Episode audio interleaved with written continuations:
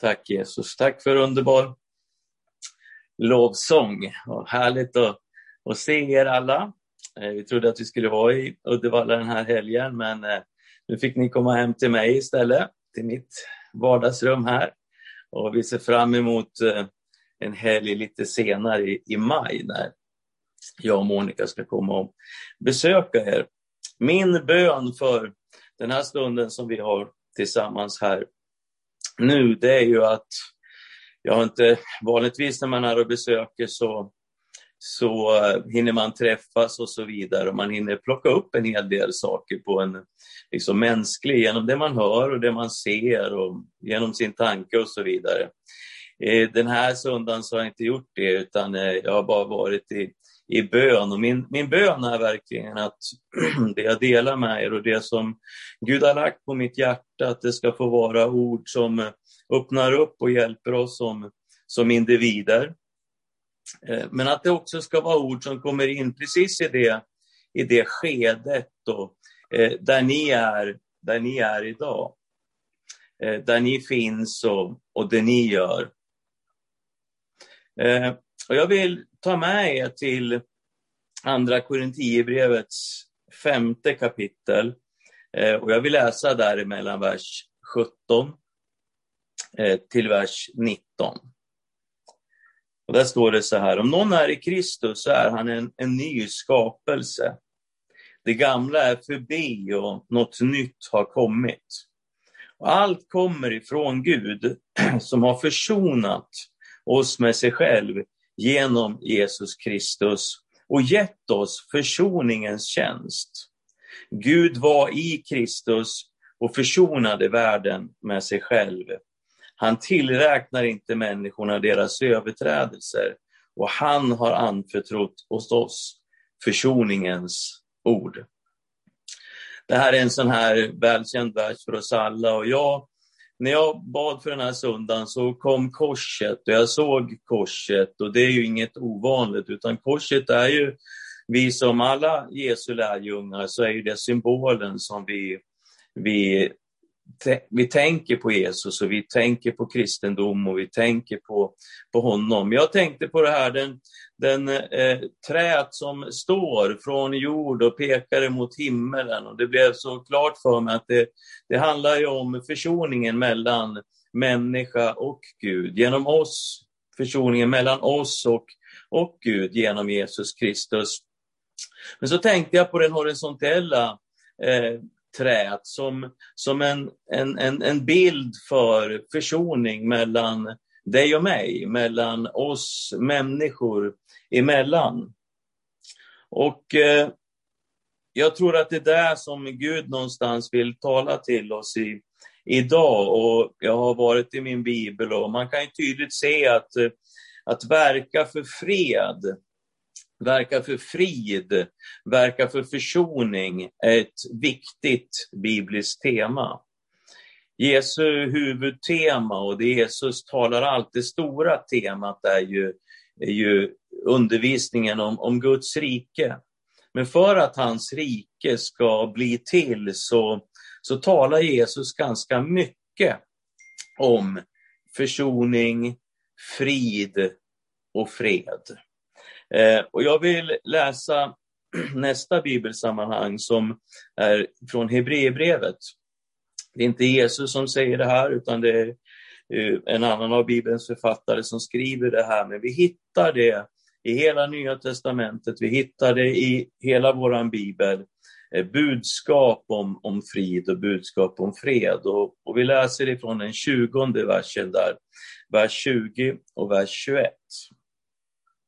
Där stod det så här, eh, fridens eller fredens Gud har i kraft av ett evigt förbunds blod fört fårens store herde, vår Herre Jesus, upp från de döda. Må han fullkomna er i allt gott så att ni gör hans vilja och må han verka i oss det som behagar honom genom Jesus Kristus. Hans är äran i evigheters evighet. Amen.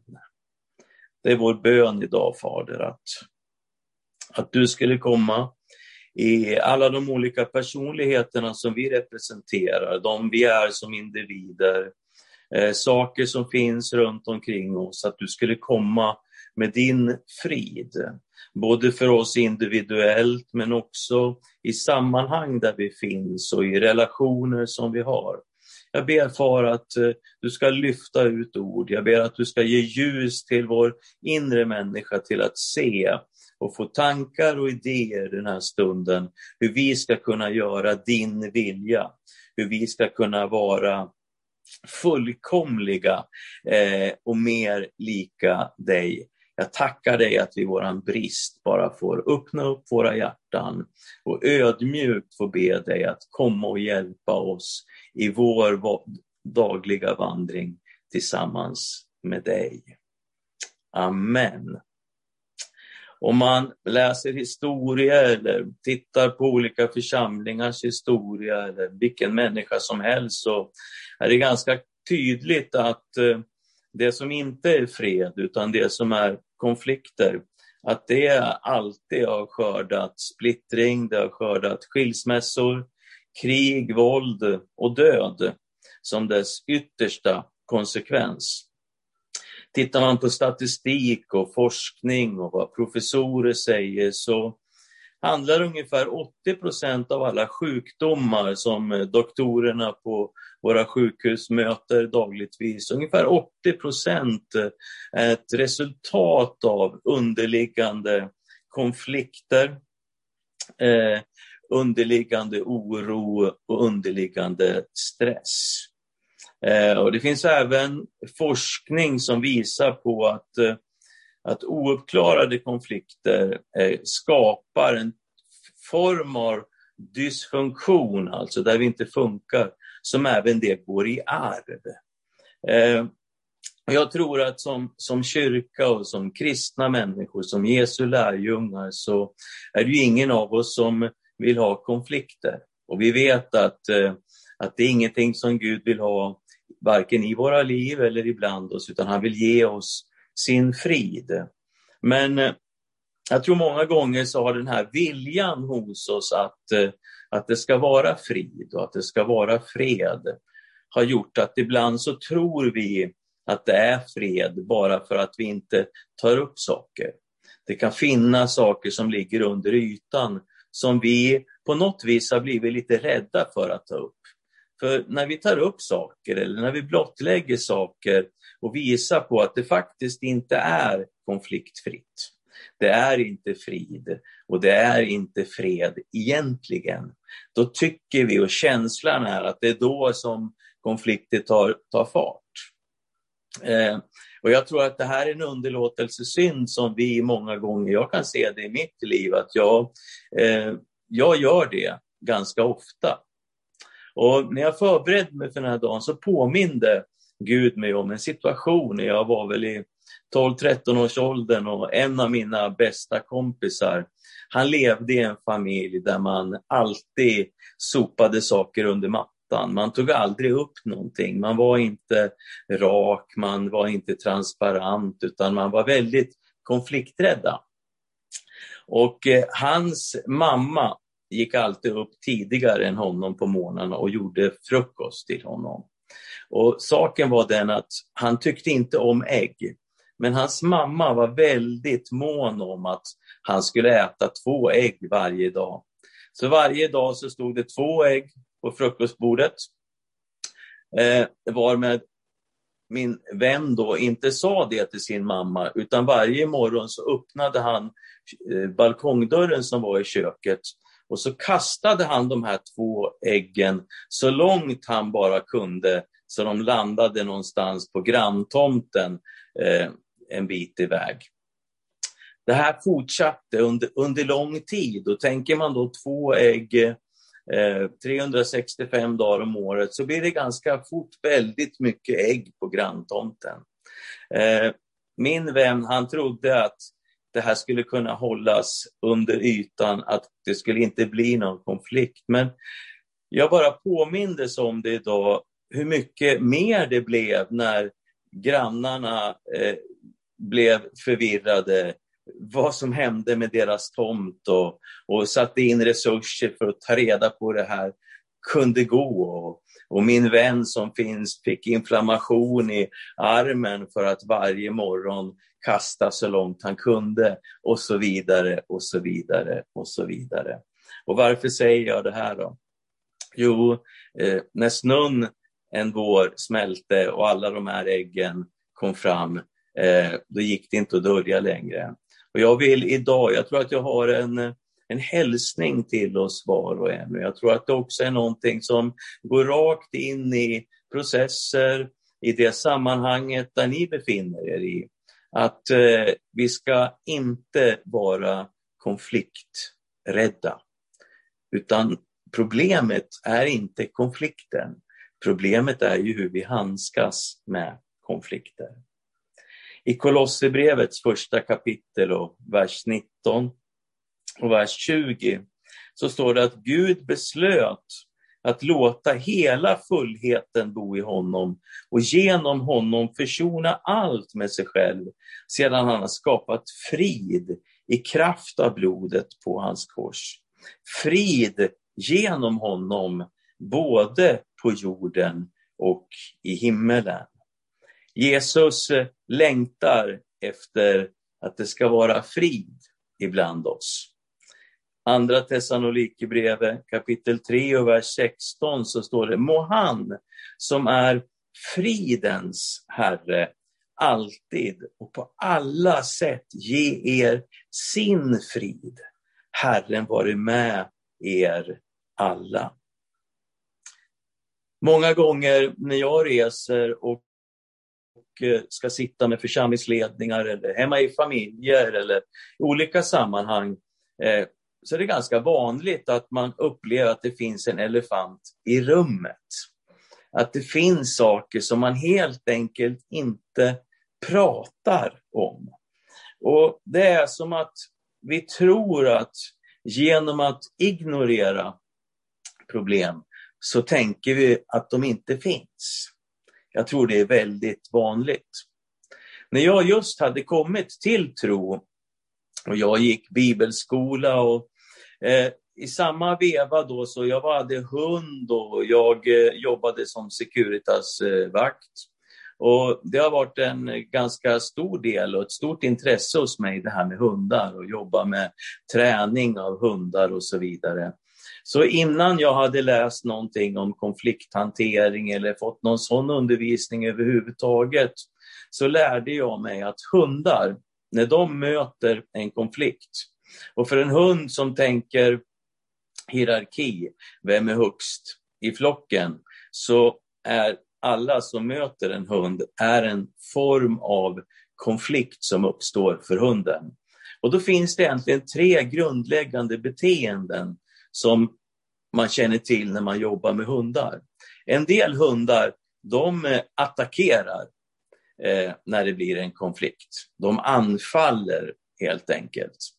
Och som hundtränare så jobbar man väldigt mycket på att sända en energi som gör att hunden förstår att jag är över, jag är större och jag är starkare. Och när man lyckas med det med en hund så är inte saken utagerad utan vanligtvis då när en hund inte attackerar, då flyr den istället. Då avviker den och flyr. Och som hundtränare då så följer man efter hunden eh, och försöker att få hunden in i ett hörn så att hunden inte kan fly längre. För att fly är inte någonting som är bra. När hunden inte kan fly, då inträder nästa sak och det är att hunden försöker att ignorera en.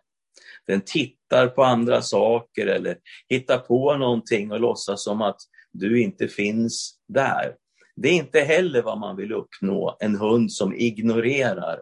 Utan det man vill ha, det är en hund som ger upp. Därför står man kvar som hundtränare och väntar på att hunden ska ge upp. Man ser att den förändrar öron, svans, kanske lägger sig ner och till slut så kommer den här efterlängtande sucken när hunden slappnar av och förstår, jag behöver inte ha kontrollen, utan jag får ge upp. Och tidigt i mitt liv så kunde jag dra paralleller och se att ofta så reagerar vi på de här sätten även som människor. För en del av oss så ligger det närma till hands att attackera, att försvara oss själva.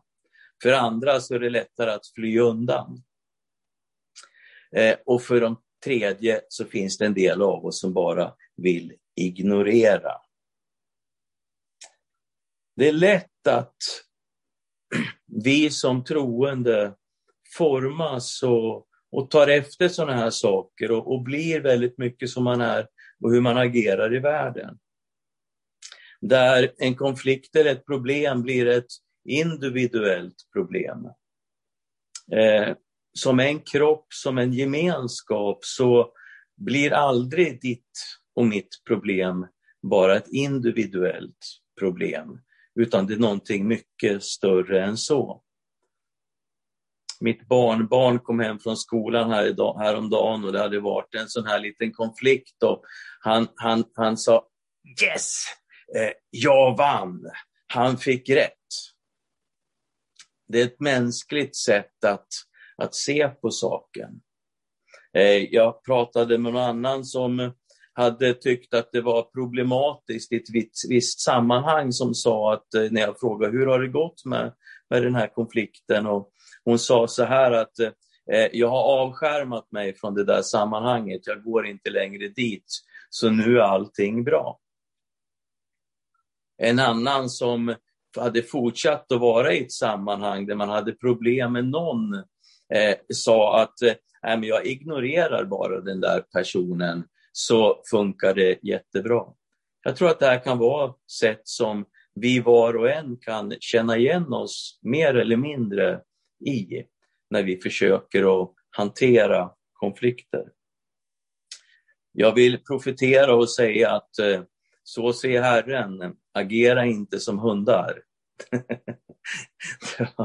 det var djupt. Men eh, vad jag vill säga det är att eh, låt oss vara ärliga eh, och titta på oss själva. Låt oss vara ärliga och se de här sakerna i oss. Hur agerar jag när jag släpper efter och låter mina känslor eller det som kommer upp först eh, och inte tänker efter så mycket, hur agerar jag då? Som Jesu lärjungar så ska vi ha frid. Eh, vi är kallade att bära Guds frid. Eh, vi är kallade att bära hans fred i de sammanhang och de situationer där vi rör oss. Och när vi lärt oss det på ett personligt plan, eh, där friden har tagit sin boning i oss, eh, då vill också Gud använda oss för att skapa den fred och den friden runt omkring oss. Han vill faktiskt att vi ska gå omkring och fredsmäkla, du och jag. Bibeln uppmanar oss att sträva efter det här på ett personligt plan. Romarbrevet 12 och 18, håll fred med alla människor så långt det är möjligt och, och beror på er. Andra Korinthierbrevet 13 och 11. Till sist bröder, var glada och låt er upprättas och förmanas, var eniga och håll fred. Då ska kärleken och fridens Gud vara med er. Kolosserbrevet 3 och 15. Låt Kristi frid regera era hjärtan. Den frid ni kallade till i en och samma kropp. Och var tacksamma. Andra Timoteus 2.22. Fly ungdomens onda begär och sträva efter rättfärdighet, tro, kärlek och frid tillsammans med dem som åkallar Herren av rent hjärta. Titus 3 och 2 och att vi inte ska förelämpa någon utan vara fridsamma och tillmötesgående och alltid visa vänlighet mot alla människor. När jag hör det här så tänker jag, ja men hur mycket ska man verkligen behöva anstränga sig då? Eh, och Bibeln säger att vi ska sträva efter det, såg vi. Och det är likadant i Romarbrevet 14 och 19. Låt oss därför sträva efter det som tjänar friden och den ömsesidiga uppbyggelsen. För mig så finns det ett bibelsammanhang och det finns ett ord som är viktigt när jag strävar för frid och fred. Och det är hämtat ifrån Hebreerbrevets tolfte kapitel, i den fjortonde versen, där det står så här att sök frid med alla och helgelse. För utan helgelse kommer ingen att se Herren. Det här är ett ord som jag tror är viktigt. Att helga sig själv, det handlar om att ställa sig själv åt, åt sidan. Att lyfta sig själv ut ur, ifrån allting som vill ta ens uppmärksamhet, allt som vill hålla en igång eh, och ge sig till Gud. Här är jag, använd mig. Eh, det är vad helgelse handlar om. Och i situationer när vi ska stifta fred, stifta frid, så är det just helgelsen, där vi lyfter oss ur, där vi inte personligen låter oss drabbas, där vi inte låter våra känslor, utan vi intar en mer objektiv ställning och tittar på vad är problemet bakom alla de här känslorna. Det här svallandet, eller den här flykten, eller det här ignorerandet som tar sig uttryck. Och när vi kan uppnå det här i oss själva så vill ju Gud använda oss där vi ska vara de som skapar fred. Och jag har med glädje följt er process i, i, i församlingen där ni har tagit tag med vissa sådana här saker. Ni har sagt att det har funnits saker i väggarna eller det har funnits elefanter i rummet. Och jag vet att eh, många av er i ledningen och många av er andra också har, har haft samtal om sådana här saker. Och jag vill att ni ska känna att det är så normalt att det finns sådana saker. Att det inte är någonting som man ska skämmas för. Snarare så tror jag en församling som inte har konflikter är en församling som inte gör det den ska. Jesus hade konflikter i sitt team. Paulus hade konflikter.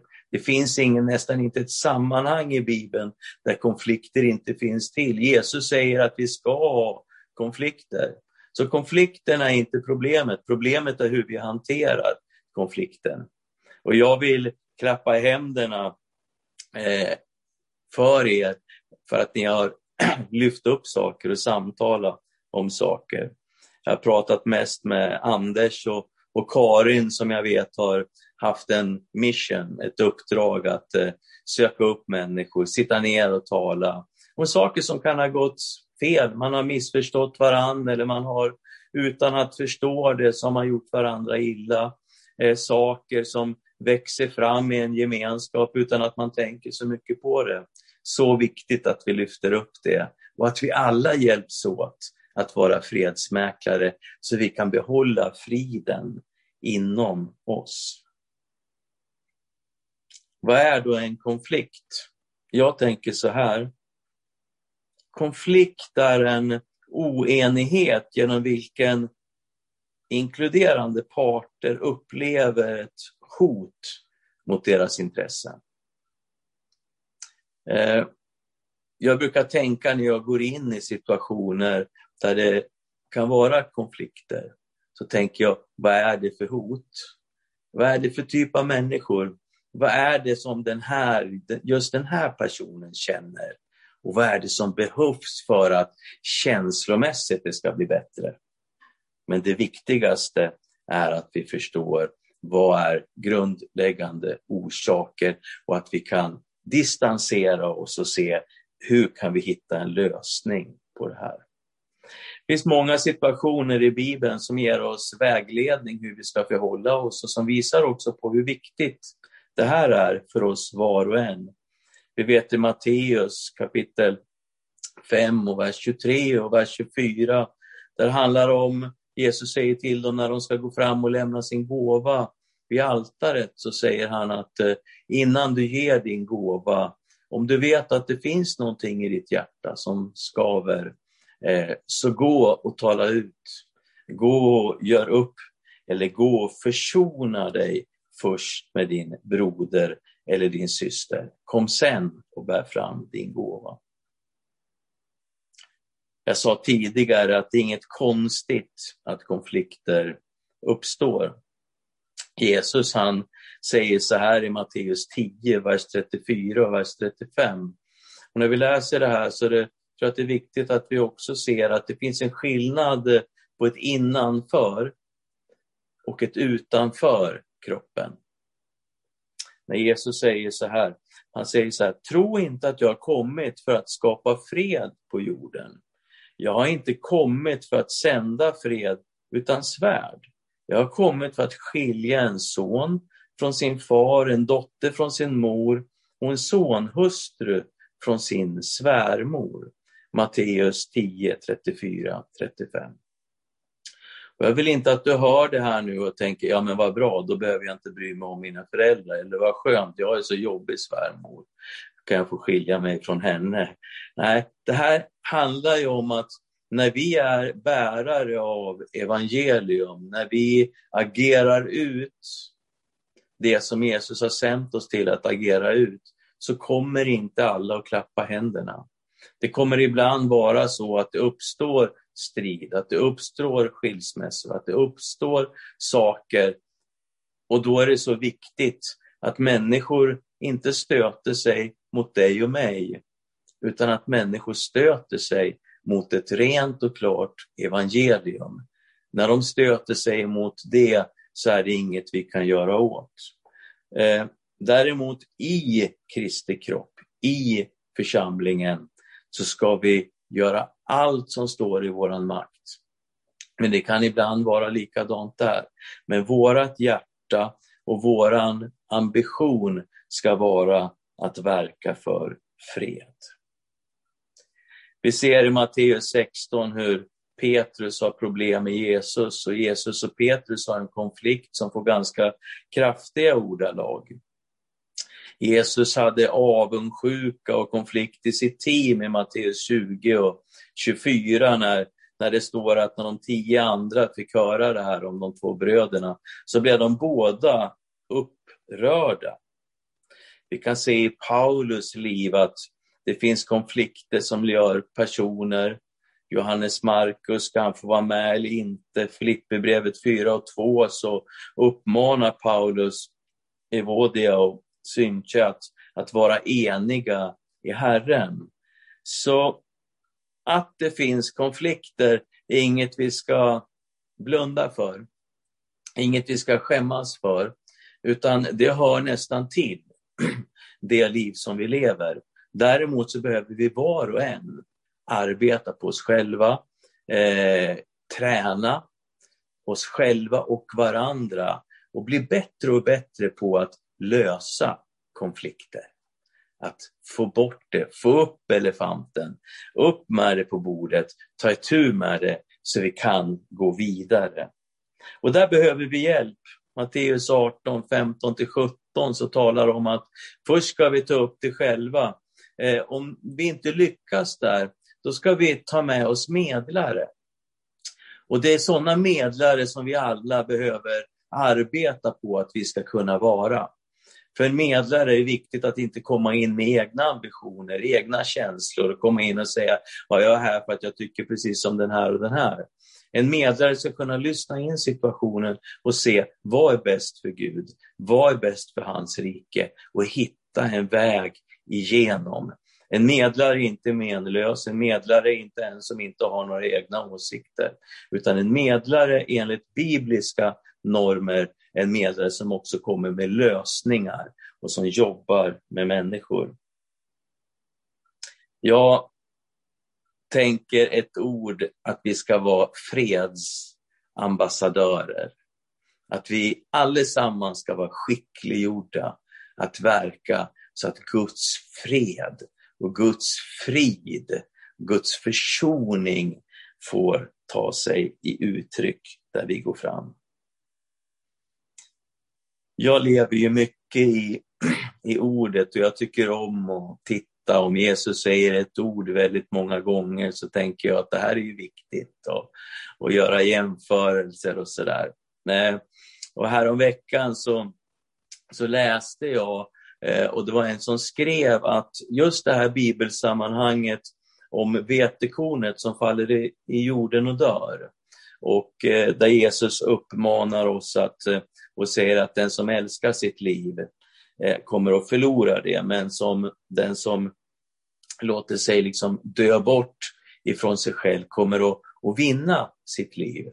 Eh, så sa den här skriften att, att det är det enda bibelsammanhanget eller enda uttalandet av Jesus som faktiskt finns i alla fyra evangelier. Så att jag har kollat att det finns i alla fyra, men jag har inte kollat alla andra uttalanden. Men, men för mig så blev det viktigt. Och jag tror att det ligger en enorm sanning i det här när du och jag förstår kärnan i evangeliet. Eh, det som vi hörde, vi som var med på, på nattvarden här innan, det Janne delade med oss. Eh, vi går in i påsken, Jesus som vårt föredöme ger upp sitt liv. Jesus som säger till oss att om vi vill efterfölja honom så måste vi ta vårt kors på. Det finns en sån eh, styrka när vi förstår att vi kan få ge upp. Att vi kan få vara eftergivna och följsamma emot honom. Och jag vill läsa Johannes 12, vers 24 och vers 25 som är ett av ställena där Jesus talar om det här. Han säger, jag säger er sanningen, säger Jesus. Om vetekornet inte faller i jorden och dör, så förblir det ett ensamt korn. Och vi förstår att det är inget positivt. Men om det dör, så bär det rikt frukt. Den som älskar sitt liv, sina intressen, sin egen vilja, förlorar det. Men den som sätter sitt liv sist i den här världen ska bevara det till evigt liv. Det här är en nyckel när det handlar om att leva i frid med de som vi har runt omkring oss. Eh, Jakob, han säger i Jakob 4 och 1, så säger han så här, var kommer alla strider och konflikter ibland er? Ja, var kommer de ifrån? Om vi hade svaret så vore det ju lätt att undvika dem. Och så säger han så här, kommer de inte från begären eller själviskheten, säger andra översättningar, som kämpar i era kroppar. Det är inte alltid lätt att dö bort ifrån sig själv. Det är inte alltid lätt att lägga ner sina intressen. När jag tittar på mig själv så har jag upptäckt genom åren när man tittar tillbaka och ser på situationer där man inte har lyckats förmedla eller situationer där man har varit själv personligen engagerad och eh, man inte har kunnat åstadkommit den där friden, inte kunnat åstadkommit den där försoningen, inte kunnat åstadkomma den där freden, så har jag sett att ofta är det för att jag har varit för på. Lite som en sån här aggressiv hund. När jag pratar med andra så kan det ha varit att de istället har, har flytt. Eller någon som ignorerar. De som ignorerar, ignorerar ett tag, sen exploderar det. Vi som vill agera och, och attackera, vi talar ofta om att nej men jag är ju bara ärlig och rak, för det är ju fint, rent kristeligt. Jag har många gånger varit ärlig och rakt och där det inte har gynnat situationen. Jag har fått lärt mig att vara försiktigare, att tänka, att lyfta ut mig själv i situationen och se på den objektivt, och tänka hur ärlig och rak ska jag verkligen vara här idag för att det ska gynna det stora hela. Vi har alla en väg att gå och vi måste alla jobba på oss själva. Men jag skulle vilja avsluta idag och bara be en bön utifrån det här. Att vi, olika korn, olika storlekar, olika gåvor, olika tjänster, olika eh, eh, utmaningar i livet. Att den här dagen skulle vara en dag och att den här påsken som vi går till mötes skulle vara en påsk där budskapen, när vi ser Jesus, när vi eh, förundras över det offer som han gav, att det skulle trigga oss och ge en passion och en längtan efter att bli bättre. Både hur vi skapar fred i oss själva, men också hur vi kan vara fredsambassadörer där vi går fram. Och jag ser för mitt inre en kropp i Uddevalla där alla vill ha frid och fred.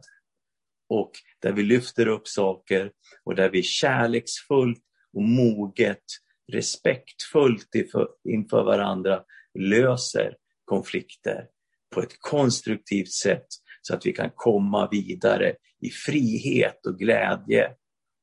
Låt oss be tillsammans. Jag tackar dig Far, du som har all makt, all vishet, all förmåga. Jag tackar dig för att du har gett oss av din nåd. Och jag tackar dig för att du ger av din nåd och du ger av din ande utan att mäta. Det finns inget för dig som är nu får det vara nog, utan jag tackar dig att oavsett vilka vi är, oavsett hur du har danat oss, oavsett hur omgivningen har danat oss, så kan vi få sträcka oss efter att bli mer lika dig. Att få nå den fullkomlighet tillsammans som du vill att vi ska ha. Jag vill signa mina bröder och systrar. Jag vill signa påsken som ligger framför. Och jag ber att den här strävan efter att stifta fred ska få växa sig stark inom dem var och en. Jag ber att du ska utrusta människor i församlingen Fristaden i, i, i, i Uddevalla till att bli skickliggjorda på det här området. Jag tackar dig att jag bara får välsigna var och en där de är just nu och, och uttala din fred, din frid och din försoning över individer, över familjer, över hushåll och över sammanhang. Välsigna varje bror och varje syster i Jesu namn. Jag ber.